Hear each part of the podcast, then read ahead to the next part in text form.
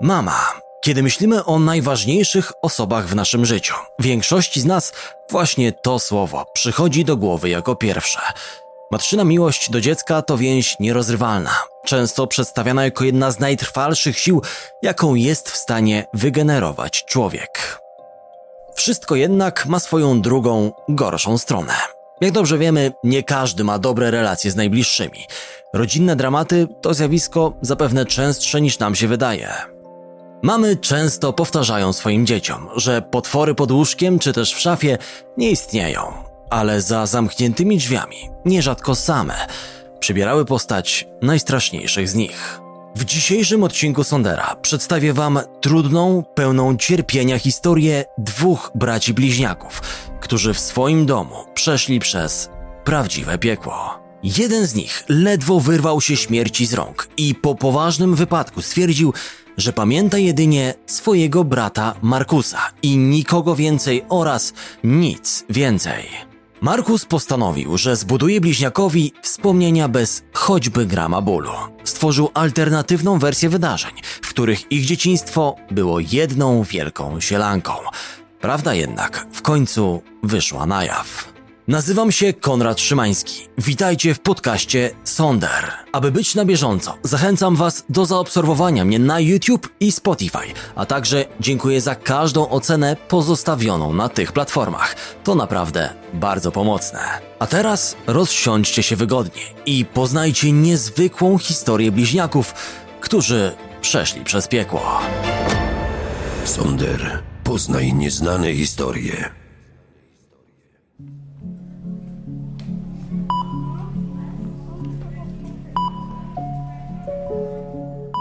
Gdy 18-letni Alex Lewis otworzył oczy, po krótkiej chwili zobaczył obok łóżka doskonale znajomą twarz.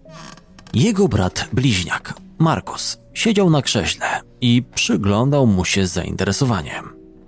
Cześć, Markus, powiedział. Brat natychmiastowo odpowiedział przywitaniem na przywitanie. Alex następnie rozejrzał się wokoło. Minęła chwila, gdy dotarło do niego, że kompletnie nie ma pojęcia, gdzie jest. W obolałej głowie krążyło wiele myśli, lecz żadna z nich nie przybliżała go do zrozumienia sytuacji. Szok, dezorientacja i ciągle powracające pytania: Kim jestem? Jak mam na imię? Jak tutaj trafiłem? Nastolatek nie pamiętał niczego. Był rok 1982.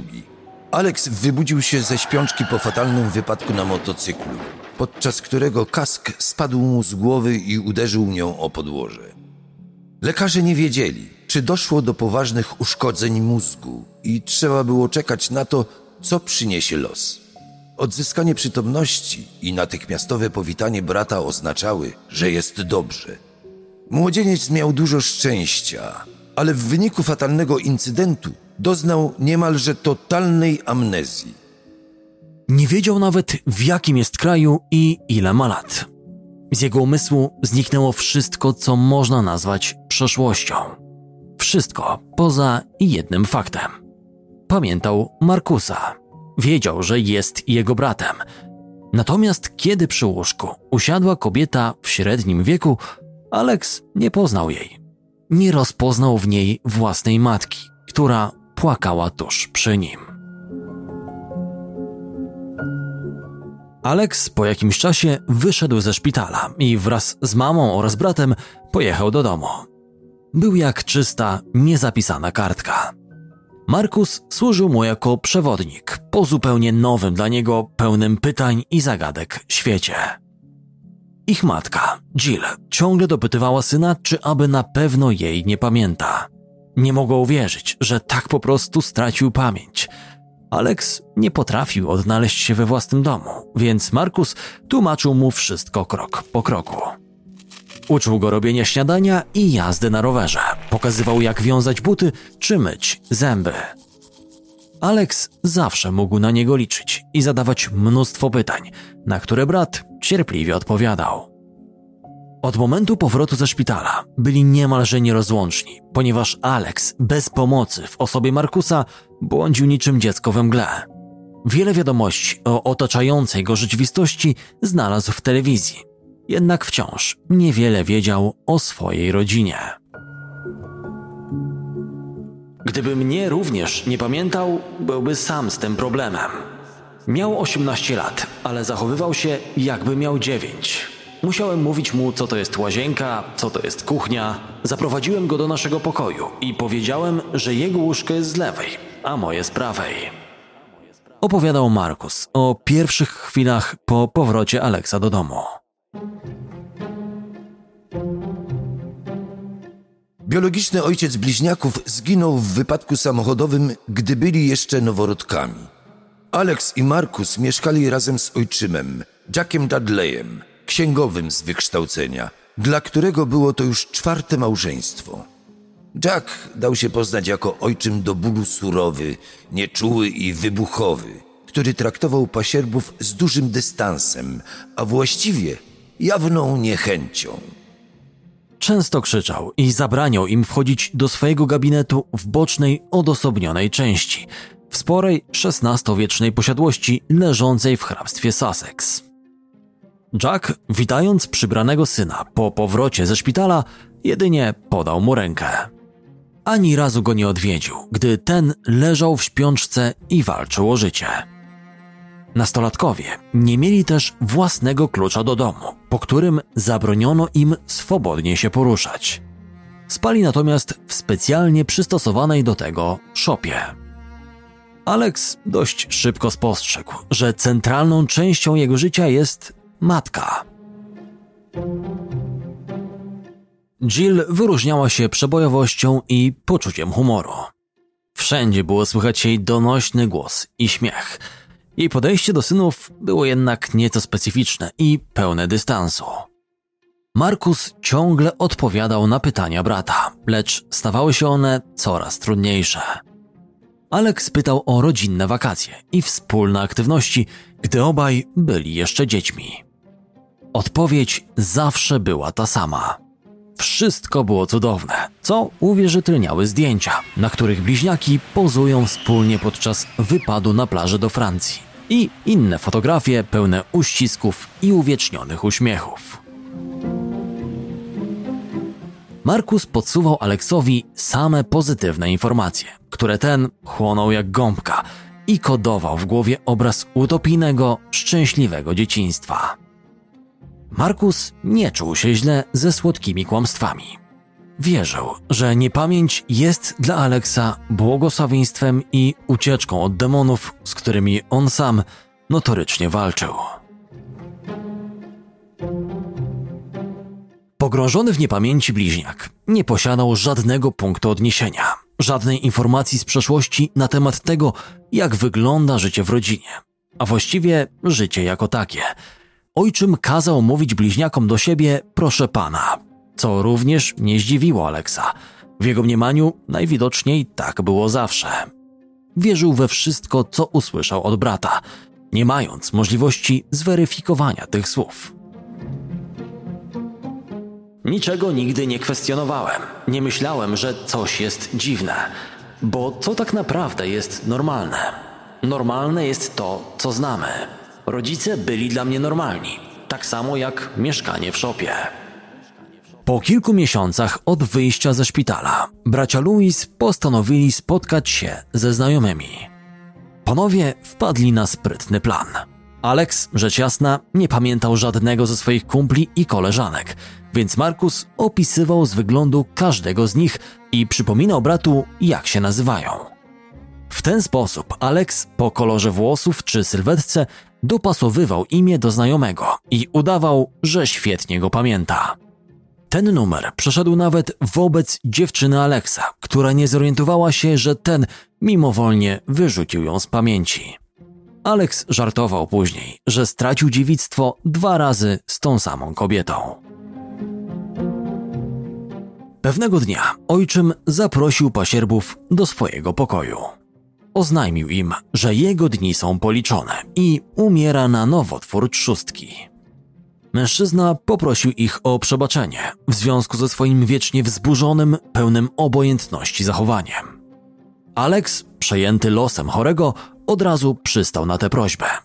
Jednak ku jego zdziwieniu, Markus rzucił tylko oskle, że nie ma zamiaru przebaczać ojczymowi. Po śmierci Jacka, mający już ponad 20 lat, Alex pomyślał, że czeka ich łagodniejszy żywot we własnym domu. Liczył na otrzymanie kluczy do drzwi wejściowych i zmianę surowych zasad. Jednak tak się nie stało. Markus powiedział mu tylko, żeby się nie przejmował, bo tak było zawsze. Przełomowym momentem w życiu bliźniaków była śmierć matki. Podobnie jak jej mąż, walczyła z nowotworem, lecz ta choroba zaatakowała ją w postaci guza w mózgu. Zmarła pięć lat po Jacku, deklarując na łożu śmierci miłość do synów. Alex długo płakał. Odkąd stracił pamięć i na nowo poznawał życie, zdołał pokochać mamę. Dobre wspomnienia kodowane mu przez brata mocno w tym pomogły. Markus natomiast nie uronił nawet kropli łzy. Nie poczułem niczego. Nie miałem poczucia winy, że nie czułem smutku. Nie czułem także ulgi. Po prostu nie czułem niczego. Tłumaczył gorzko.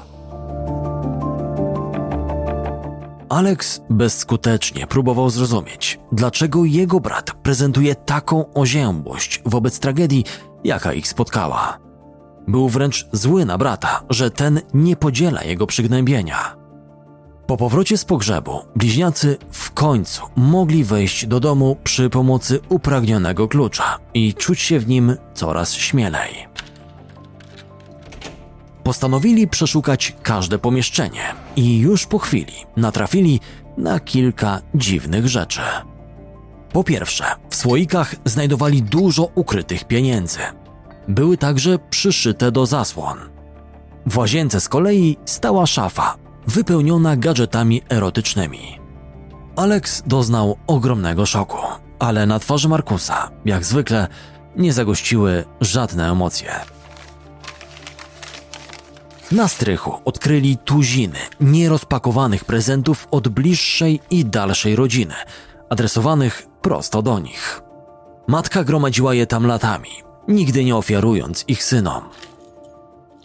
Po znalezieniu klucza do jednej z zamkniętych szafek, ich oczom ukazała się porażająca fotografia. Dwóch nagich chłopców w wieku około 10 lat. Zdjęcie było ucięte w taki sposób, aby twarze dzieci pozostawały anonimowe. W ułamku sekundy bracia zorientowali się, że rozebrane dzieci na starej fotografii to oni. Alex niczego nie rozumiał. W jego umyśle tkwiły szczęśliwe, opowiadane przez brata chwile dzieciństwa, a wszystkie rzeczy, które poznał po wypadku, widocznie musiały być takie, jakie po prostu były. Odkryte zdjęcie, schowane tak, by nikt go nie zauważył, budziło najgorsze skojarzenia. Aleksa martwiło najbardziej to, że nie widział po Markusie choćby najmniejszego zdumienia. Wtedy zaczął łączyć kropki i za wszelką cenę szukać rozwiązania. Docierało do niego, że bezrefleksyjnie polegał na słowach brata, lecz nie miał żadnej pewności, jakie było jego życie przed wypadkiem.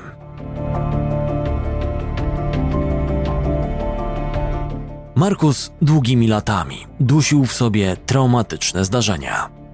Zdjęcia z plaży we Francji były tak naprawdę zrobione przez znajomych rodziców, bo to właśnie z nimi bliźniacy jeździli na wakacje. Z własnymi rodzicami nigdy na takowe się nie wybrali. Markus nie chciał tego mówić, bo nie chciał prowokować niepotrzebnych pytań, które kierowałyby ukochanego brata w stronę prawdy. Przedstawiał mu tylko dobre chwile i pozytywne fotografie, licząc na to, że wyobraźnia Aleksa zrobi swoje i ten w myślach domaluje sobie jak najlepsze wyobrażenia o swojej wczesnej młodości. Nie zmyślałem, tylko nie mówiłem mu niektórych rzeczy. Gdyby zaczął mieć wątpliwości, ta konstrukcja by się rozpadła i dość szybko by zrozumiał, co tak naprawdę się działo. Jeśli mówiłem mu, że były rodzinne wakacje, to były rodzinne wakacje i kropka. Tkwił w tym przekonaniu do 32 roku życia. Pytania Aleksa o matkę w końcu zaczęły być coraz celniejsze. Pytał, czy była dobrym człowiekiem. Dociekał informacji o jej życiorysie. Po wielu latach naiwnej wiary we wszystko, co usłyszał od brata, zaczął nabierać uzasadnionych wątpliwości. Zdjęcie znalezione na strychu i brak jakichkolwiek emocji u Markusa podczas śmierci matki i ojczyma wkrótce doprowadziło do pytania, które ponownie odmieniło życie bliźniaków. Alex połączył wszystkie fakty i poszlaki, po czym poszedł do brata i zapytał wprost. Markus, czy my byliśmy wykorzystywani seksualnie?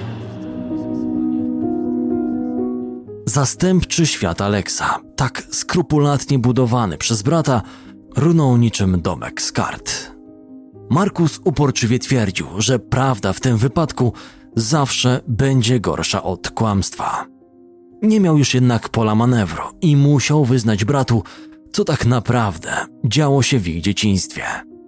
Powiedział mu, że byli wielokrotnie wykorzystywani seksualnie przez własną matkę, mniej więcej do momentu, gdy skończyli 14 lat. Ojczym nie reagował, bo ponoć o niczym nie wiedział. Alex, nie pamiętając tych traumatycznych zdarzeń, zdaniem Markusa został obdarzony darem nieświadomości. Markus wówczas nie miał wyrzutów sumienia z powodu zatajenia prawdy. Sam chciałby, aby w odwrotnej sytuacji Alex postąpił tak samo. Pragnienie wymazania z pamięci krzywdy było tak silne, że on sam zaczął wierzyć w wymyśloną przez siebie lepszą przeszłość. Kolorując wspomnienia Alexa, łagodził również swoje. Wyrzucił z głowy ból i uczucie brudu, które targało jego ciałem pomimo upływu czasu. To była jedna z tych ran, które nie goją się do wesela. Można tylko spróbować o tym zapomnieć. Alex nie mógł sobie tego poukładać w głowie. Poczuł się oszukany przez jedyną osobę, której przecież bezgranicznie ufał. Nagle wyszło na jaw, że jego życie to jedna wielka konfabulacja. Bracia byli związani ze sobą specjalną więzią, jako bliźniacy jednojajowi. Zawsze mówili sobie o wszystkim. W tak hermetycznej i osobistej relacji nie miał prawa powstać obszar dla fałszu. Alex miał wówczas 32 lata i zdał sobie sprawę z tego, iż zaczyna od zera. Znowu znalazł się w punkcie wyjścia. Pierwsze 18 lat jego życia zniknęło z pamięci, a kolejnych kilkanaście to oparta na kłamstwie historyjka dla naiwniaków. Markus uciekał od bólu, a Alex chciał go dogonić i poznać wszystkie szczegóły, więc zadawał setki pytań. Prawda to zbyt wielka siła, by nie chciał jej odkrywać, jakakolwiek by ona nie była. Markus nie ukrywał informacji o swojej matce, tylko o tym, co dokładnie robiła mu oraz Aleksowi. Jill łączyło pokrewieństwo z byłym premierem Wielkiej Brytanii, Clementem Attlee, co mogło tłumaczyć obecność gości z wyższych sfer na imprezach w jej domu. Była typem zbieraczki, maniakalnie kolekcjonowała masę niepotrzebnych przedmiotów – natomiast sama chciała, by postrzegano ją jako osobę biedną. Pieniądze ukrywała gdzie popadnie, na przykład w słoikach znalezionych przez bliźniaków. Mimo swoich wad potrafiła oczarowywać innych. Mężczyźni mieli do niej słabość, a ona miała słabość do mężczyzn. Jej życie kręciło się wokół seksu. Ludzie dookoła postrzegali ją jako wesołą, cudowną damę. Jednak to tylko fasada. W środku była to kobieta skomplikowana oraz mająca skłonności do okrucieństw. Alex zdążył pokochać matkę. Pamiętał ją od momentu, kiedy już nie wyrządzała mu krzywdy. Przywiązał się do niej i nie mógł pojąć, jak to możliwe, że była pedofilką. Zrozumienie tego przybrało w nim rozmiary obsesji. Kochałem matkę, była częścią mojego życia. Bardzo trudno połączyć jej dwie wersje. Tę, którą znałem i tę, o której się dowiedziałem. To było dużo bardziej poważne niż przypuszczałem. Wpadłem w spiralę szaleństwa. Co było prawdą, a co nie? Nic nie miało sensu. Mówił Alex.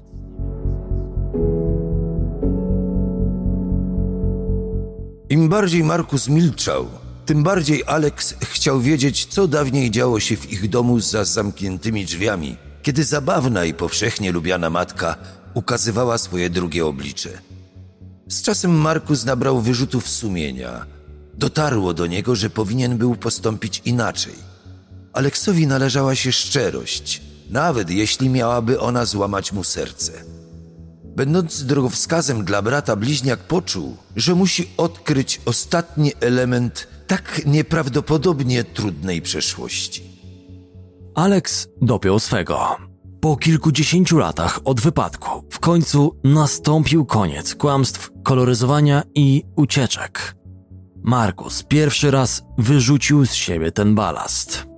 Szczegóły tych wydarzeń ujawnił przed kamerami Netflixa podczas kręcenia dokumentu o ich życiu pod tytułem Powiedz mi kim jestem. Wstrząsający opis czynów matki bliźniaków może wręcz przyprawiać o mdłości. Najgorsze jednak w jej postaci jest to, co skłonna była robić jeszcze.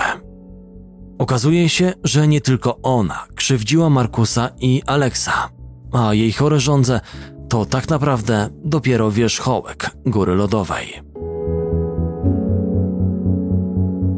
Kiedy jej pierwszy mąż, Dudley, zginął w wypadku, zaczęła prowadzić rozwiązły tryb życia, pełen niezobowiązującego seksu i zabawy. Postanowiła oddać bliźniaków do domu dziecka i w pełni skupić się na sobie. Finalnie najbliżsi przekonali ją, aby zabrała dzieci z powrotem i wychowała. To wtedy po raz pierwszy dopuściła się czynów pedofilskich. Mąż mieszkał w zupełnie innej części domu, więc mogła swobodnie przyprowadzać chłopców do swojego pokoju. Po wszystkim nakazywała synom powrót do ich pokoju w szopie. Jill na tym nie poprzestała i poszła o krok dalej. Zabierała synów do znajomych pedofilów, z którymi tworzyła sieć powiązań i zostawiała ich na noc. Nie jeździli jednak razem. Zawsze brała albo jednego, albo drugiego. Sama, jak gdyby nigdy nic, jadła kolację i piła wino w towarzystwie innych niegodziwców, a potem wracała do domu. Markus i Alex zostawali tam sami, by po chwili znaleźć się w sidłach kolejnego potwora. Nie wiadomo, czy Jill brała za to pieniądze, czy robiła to przez tkwiące w niej czyste zło. Piekło chłopców trwało latami.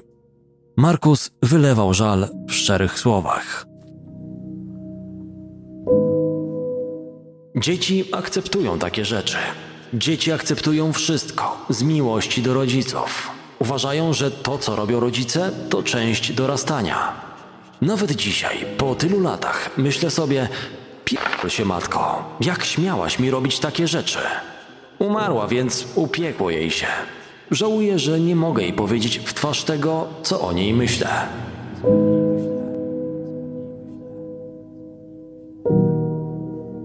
Koszmar bliźniaków dobiegł końca, gdy mieli 14 lat. Markus razem z matką pojechał wtedy do Londynu, żeby tam, jakkolwiek paskudnie to brzmi, spędzić noc z jej znajomym. Był to ponoć dość znany w Anglii artysta. Gdy po kolacji Jill ruszyła w drogę powrotną, mężczyzna zaprowadził Markusa do łóżka. Wtedy w głowie zamieniającego się już powoli w dorosłego faceta Markusa wystąpił głośny sprzeciw. Odepchnął mężczyznę i pomimo jego wściekłości zdołał stamtąd uciec. Wrócił do domu pociągiem na gapę. Zapukał do okna stodoły i Alex wpuścił go do środka.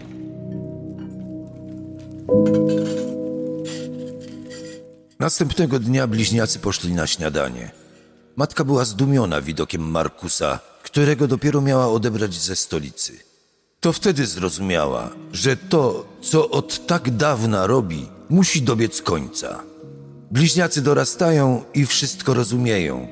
Poza tym niedługo będą w wieku, który już nie interesuje amatorów dzieci. Od tamtej pory już ani razu żaden z braci nie doświadczył podobnych rzeczy. Alex na wyczerpującą szczerość brata nie zareagował nadmiernie emocjonalnie. Tego mi było trzeba, stwierdził lakonicznie. Po wielu latach w końcu odnalazł zagubiony fragment swojego życia, nawet jeżeli, delikatnie mówiąc, nie należy on do najweselszych. Obu ponad pięćdziesięcioletnim obecnie mężczyznom spadł z serca wielki kamień. Jeden w dużym stopniu pozbył się niechcianego bagażu, a drugi wziął go na swoje barki i teraz wzajemnie ofiarowują sobie wsparcie. Wspólna tragedia tylko wzmocniła ich relacje. Dzisiaj obaj mają żony, które urodziły im podwoje dzieci. Wszystko robią razem, nawet wspólnie prowadzą firmę zarządzającą nieruchomościami. Mężczyźni, zapytani o to, czy są w stanie wybaczyć matce, nie potrafią udzielić jednoznacznej odpowiedzi. W tym przypadku słowo wybaczyć ma niesamowitą wagę, ponieważ wybaczyć niekoniecznie oznacza zrozumieć. Aktualnie to jednak zamknięty temat. Bliźniacy wraz ze swoimi rodzinami w pełni korzystają z życia i próbują zostawić za sobą przeszłość raz na zawsze.